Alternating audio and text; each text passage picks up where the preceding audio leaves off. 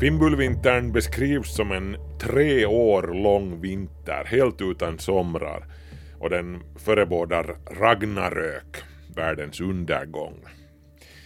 Trädens årsringar från den här tiden visar på en abnormt liten tillväxt just under året 536. Det här tyder på en kyla av den sorten som mycket väl kan få folk att inbilla sig att Ragnarök står för dörren.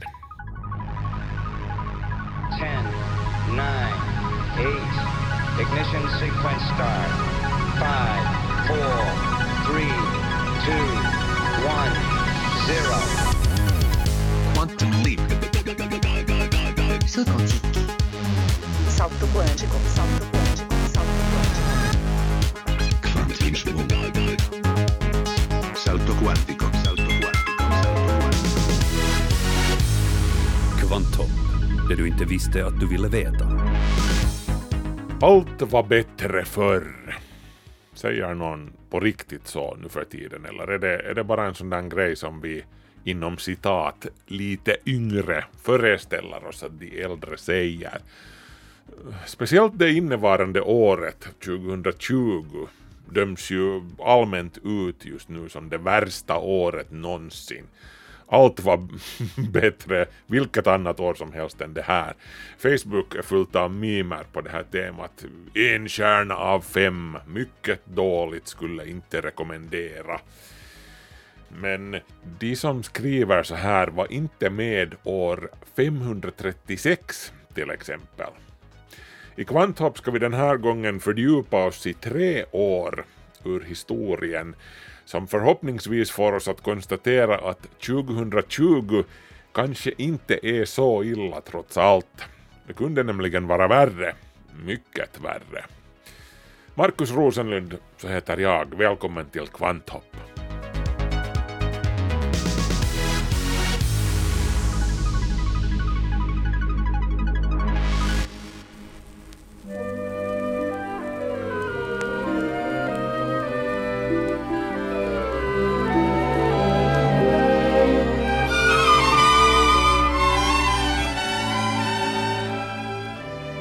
Neisini, allt var definitivt inte bättre förr.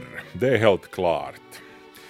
I och för sig när, när folk talar om förr nu för tiden så, så avser de oftast 1950-talet, alltså tiden innan de korta kjolarna och rockmusiken och allt det där. Ska man resa med sin tidsmaskin till en period då livet på riktigt var bättre, då får man nog gå längre bakåt än 50-talet.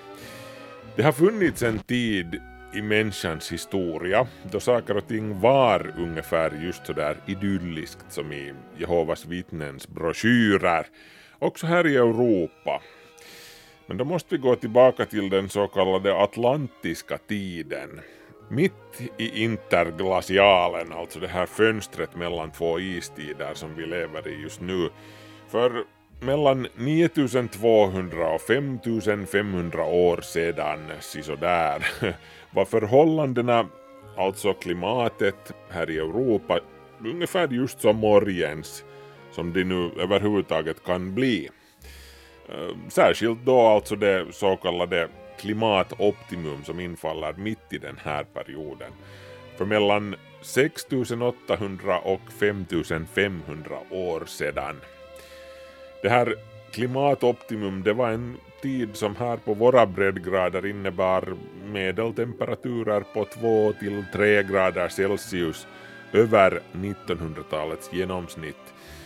Landskapet dominerades av ädel lövskog med ek, alm, lind och ask.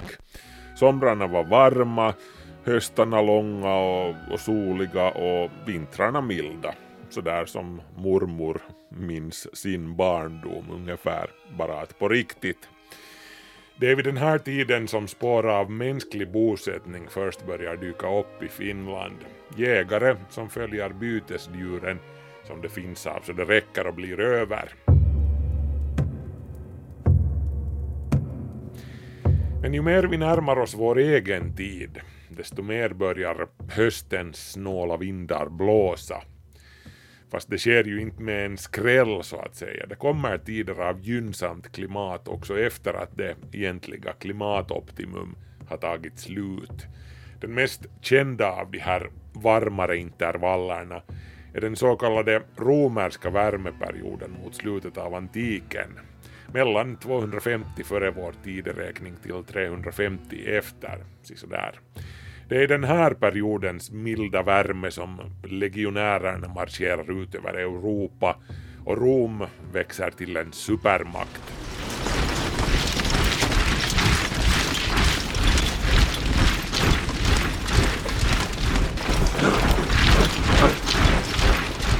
Och det är i slutet av den här milda och behagliga fasen som vi hittar det första av de år som jag påstår är värre än 2020 som alla skäller på. Det året är 536 efter vår tideräknings begynnelse. Men vi måste nästan ta en titt på upptrappningen inför det här året också. Den börjar knappt 200 år tidigare. Sisådär år 350 alltså slår vädret om på allvar och blir rejält mycket kyligare. Jordbrukets avkastning minskar, det blir missväxt och svält på bred front, folk blir desperata och sätter sig i rörelse, som man nu gör när det blir, blir liksom dåliga tider. Det är nu som barbarerna börjar banka på portarna, som man brukar säga. Romsportar, alltså.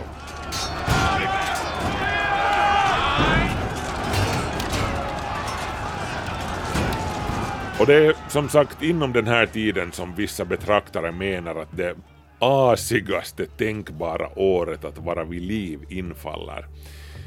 Det är inte lite sagt det med tanke på den sena medeltiden till exempel med sina krig och digerdöden som härja och, och 1900-talet förstås med sina två världskrig. Men också 536 med omnejd har sina egna digerdödar Inom den här tiden, omkring 536, ryms flera pestutbrott i Europa som är minst lika dramatiska som 1300-talets digerdöd, den som tog koll på halva Europas befolkning. Vi kan ju höra från en som faktiskt var med då det begav sig omkring 536. Den östromerska historikern Prokopios inom citat statusuppdatering från anno 536 går så här. Under det här året inträffade det mest fruktansvärda järtecken. Solen spred sitt ljus utan styrka. Det tycktes allt mer som en sol i förmörkelse, för strålarna som den kastade var inte klara.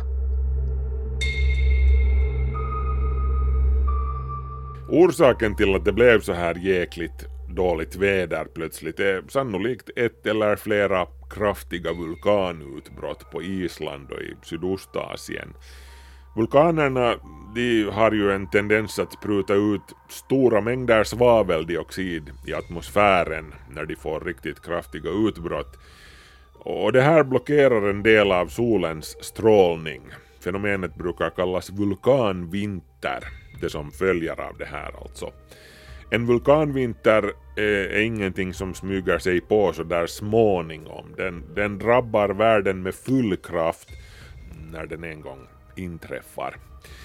Vulkanvintern som drabbar världen anno 536 anländer i form av en tjock dimma. Den lägger sig över Europa, Mellanöstern och delar av Asien.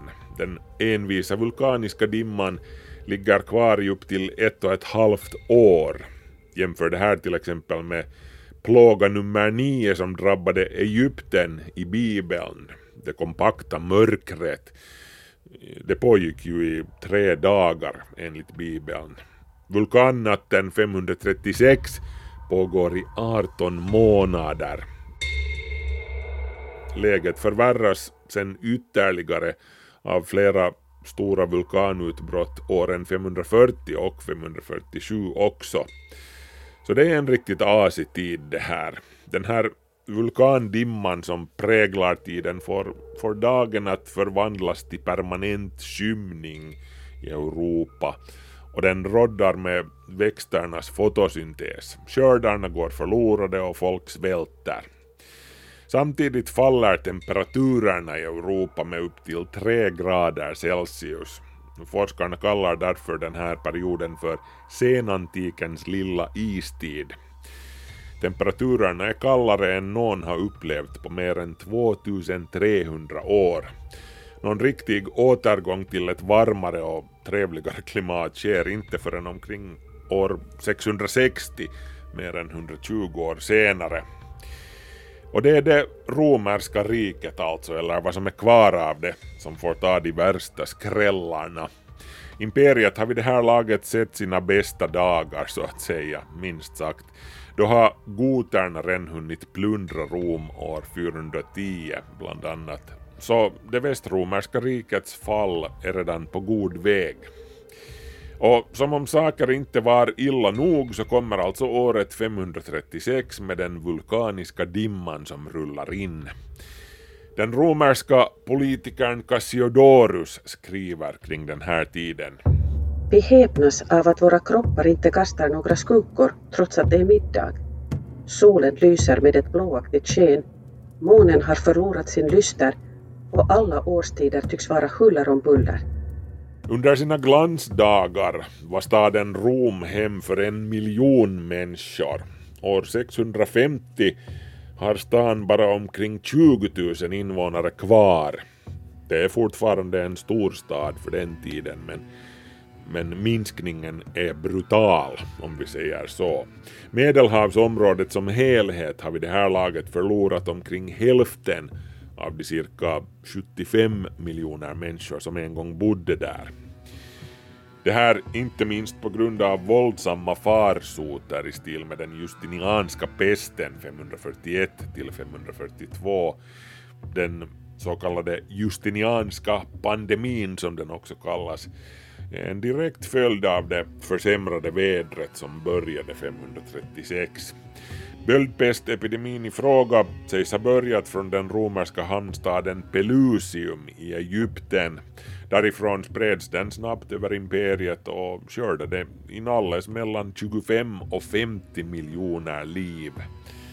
Det bysantiska riket, eller Östrom, förlorade i ett brutalt svep upp mot hälften av sin befolkning. Det bysantiska riket hämtade sig liksom aldrig riktigt från det här trots att Östrom existerade i nästan tusen år till. Eländet kring den här tiden märks också av i Kina. Där vittnar skriftliga källor om svår kyla med, med snöfall mitt i sommaren. Samma story där, skördarna går förlorade och omfattande hungersnöd råder. Kylan drabbar också Norden, där man ju är vana vid hårda vintrar, men inte som den här. Det sägs att det är just kylan under åren omkring 536 som har gett upphov till uttrycket fimbulvinter. Fimbulvinter är alltså fornnordiska för den stora eller mäktiga vintern. Vi kan läsa om det här i den poetiska Eddan som skrevs mellan åren 800 och 1000.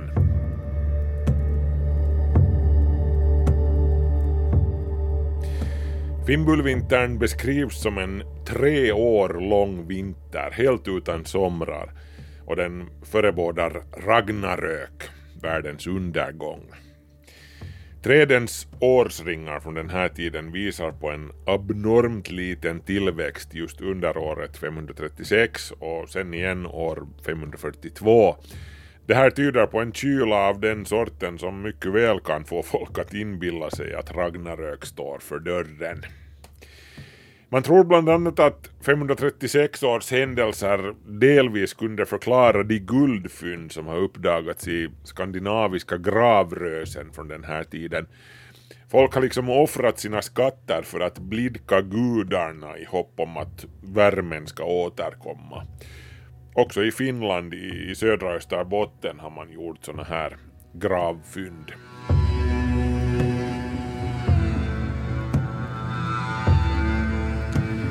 Men också om våra förfäder här i Norden dikta upp förbannelser till kylan och invänta Ragnarök så, så var det som sagt det gamla romarriket som fick ta emot den hårdaste smällen om man ser på de historiska konsekvenserna.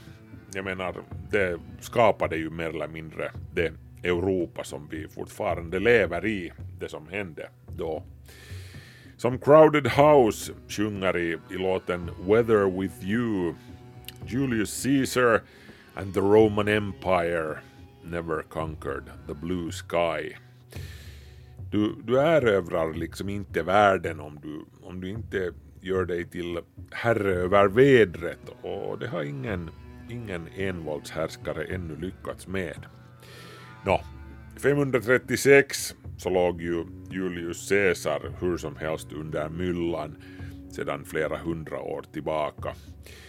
Kanske lika så bra för honom, han hade ju stora svårigheter redan med det helt normala brittiska vintervädret när han försökte sig på att invadera Britannia. Och det vädret, det var alltså småpotatis mot det som skulle komma.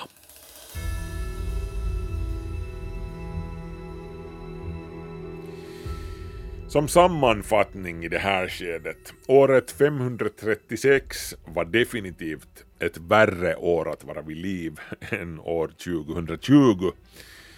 Och den här sortens asiga år råder det ingen brist på i historieböckerna, tyvärr kan man säga. Vi slår upp boken på årtalet 1362 härnäst ännu ett år som utan problem platsar på listan värre än 2020.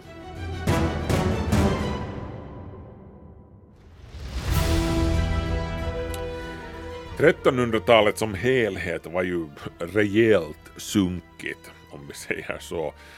Det här var just efter att den medeltida värmeperioden hade tagit slut och den så kallade lilla istiden hade börjat. Det här innebar all världens elände, ni vet det här vanliga, missväxt och hunger och, och krig.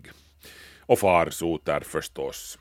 Digerdöden som kom till Europa 1357, som vi redan nämnde, gör definitivt det året till ett år du vill undvika om du är ute och reser med din tidsmaskin. Men en farsot kan du ju i princip undvika om du isolerar dig fullkomligt på din bondgård eller någonting liknande. En katastrof du däremot inte kan gömma dig från, särskilt på 1300-talet, är en rejält stor och stark storm.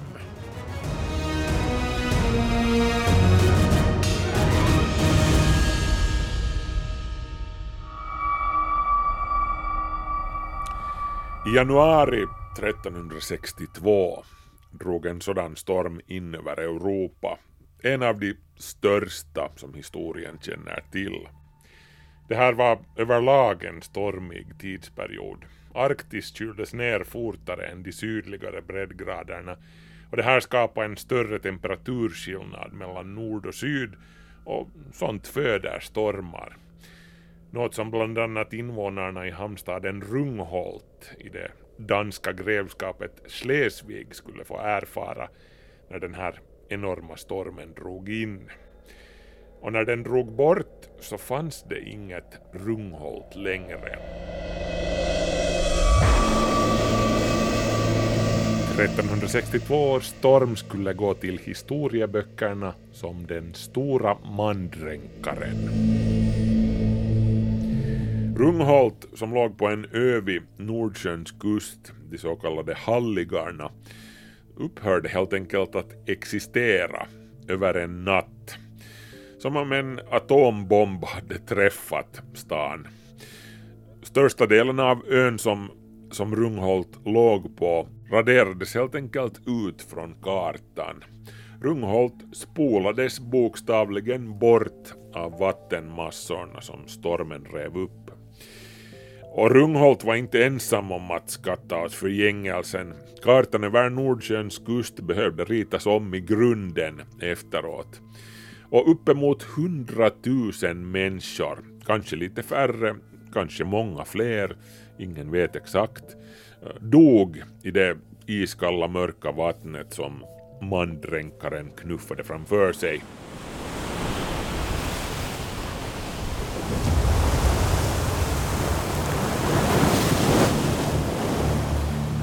Mandränkaren går också under namnet Zweite Marcellus Flut, den andra Marcellus stormfloden. Den första Marcellusstormen 1219 inträffade också på den heliga Marcellus dag den 16 januari. En oerhört destruktiv och dödlig storm även den. Vad är det med det här datumet? 16 januari. Huh. Uh, på sin väg in över kontinenten svepte den stora mandränkaren 1362 först över Irland och södra England den 15 januari. Ödeläggelsen där var enorm. Hela skogar, hundratals tusen träd jämnades med marken som tändstickor. En anonym krönikör, sannolikt en dominikansk munk från katedralen i Canterbury, beskriver det hela så här. Kring tiden för vesper, aftonsången, inträffade stormar och virvelvindar av ett slag som aldrig förr skådats i England, vilka fick hus och byggnader att till största delen rasa till marken. Fruktträd i trädgårdar och på andra platser jämte andra träd som stod i skogarna rycktes upp ur jorden med sina rötter till ljudet av ett väldigt dån, som om domedagen vore kommen. En stor fruktan och bävan grep då Englands folk, till den måtta att ingen visste var de skulle söka skydd, emedan kyrktorn, väderkvarnar och många boningshus hade kollapsat till marken. I vår egen tid skulle följderna av en sån här storm sannolikt inte ha blivit så katastrofala. Meteorologerna skulle ha varnat för dess ankomst i, i god tid, kanske till och med ett par veckor i förväg. Folk vid kusten skulle kunna evakuera sig. Liksom. Men 1362 då, då existerade inga väderprognoser. Vad vädrets makter än bjöd på så var det en överraskning för samtliga. Och man ska alltså minnas att det här var i en värld där nattmörkret var absolut. Ingen elbelysning, inga ficklampor, ingen radio och TV. En värld i permanent och evigt strömavbrott. Och det är i den här världen som havet plötsligt börjar stiga. Vattenmassorna som mandränkaren knuffar framför sig i kombination med det kraftiga lågtryckets sug driver upp en massiv stormflod som sagt. Vi snackar om vattennivåer på 6 meter över det normala längs den låglänta Nordsjökusten.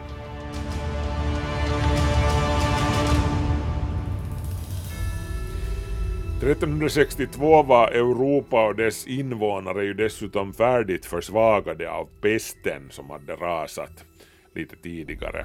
Digerdöden hade ju haft som sagt livet av hälften av allt folk på kontinenten bara ett drygt årtionde innan.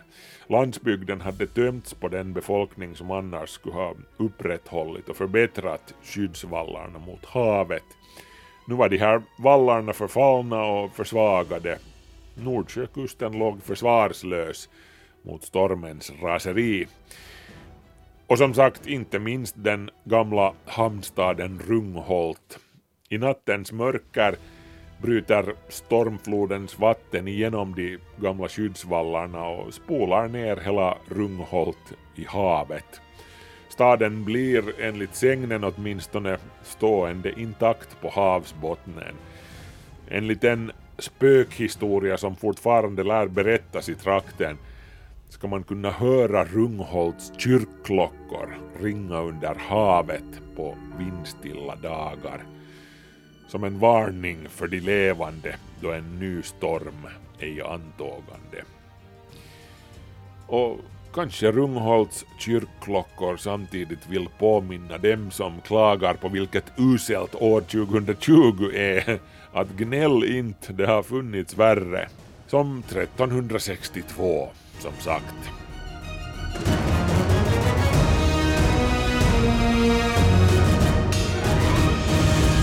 jag, jag är ledsen för den överdramatiska musiken men det, det känns på riktigt som att det här är år som kräver det. Och här kommer ännu ett. Hittills har vi kunnat konstatera att åren 536 och 1362 definitivt var år som 2020 inte kan mäta sig med i misär. Vi ska titta på ännu ett sådant år. Platsen är Island. Året är 1783. Heimdall har blåst i jallarhornet.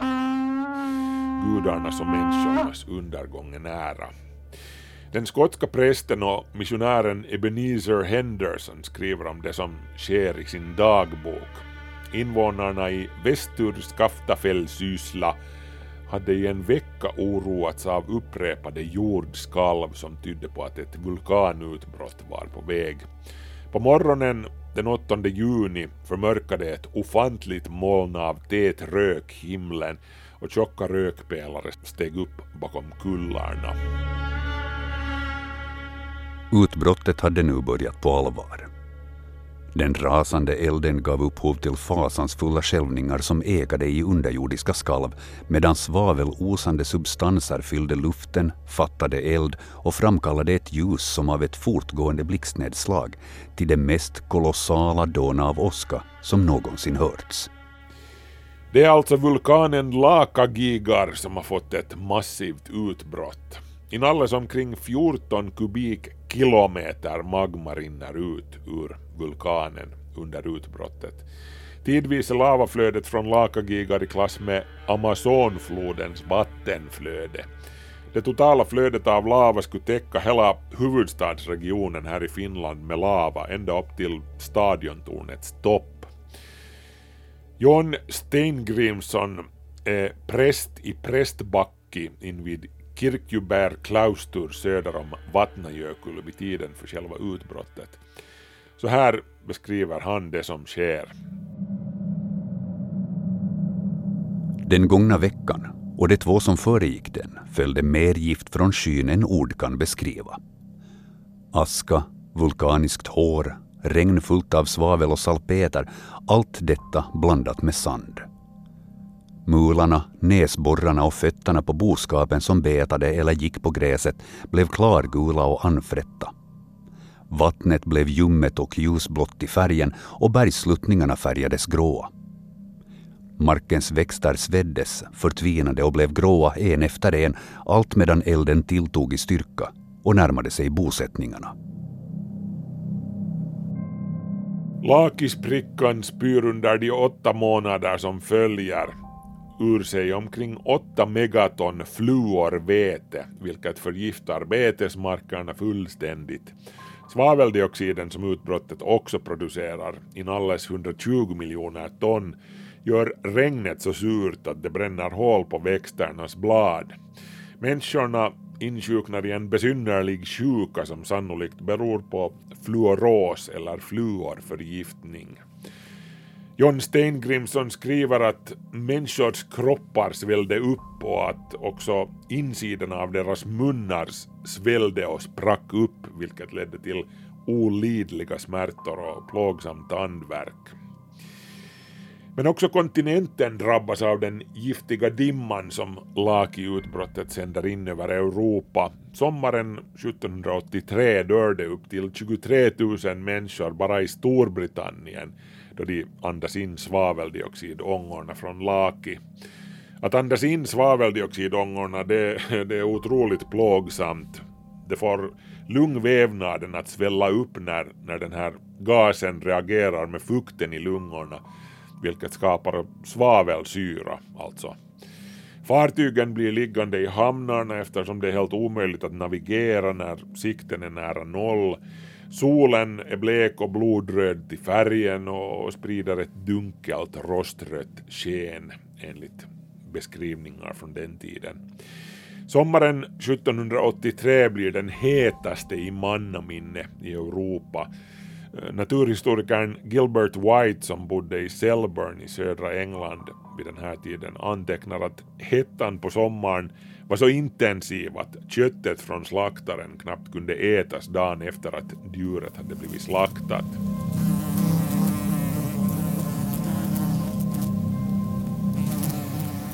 Vintern som följer blir sen mycket svår och kall. Bara i Storbritannien dör ytterligare omkring 8000 människor av kylan. Också på andra sidan Atlanten känns effekterna av Laki-utbrottet av. Längs USAs östkust sjunker medeltemperaturen med nästan 5 grader Celsius. Sydstaterna drabbas av en kraftig snöstorm och Mississippifloden ligger istäckt i New Orleans och på mexikanska golfen flyter det isflak, vilket ju aldrig sker nu för tiden. Sverige och Finland drabbas också. Svår hungersnöd råder i den östra rikshalvan 1783 till 1784 och på västra sidan Östersjön är läget inte mycket bättre om vi säger så. I Frankrike där leder flera somrar med omväxlande svår torka och hårda regn och hagelstormar till misslyckade skördar som det brukar gå. 1783 och åren som följer råder det svår brist på mat i Frankrike samtidigt som fattigdomen ökar kraftigt, vilket är en viktig bidragande faktor till att den franska revolutionen bryter ut 1789.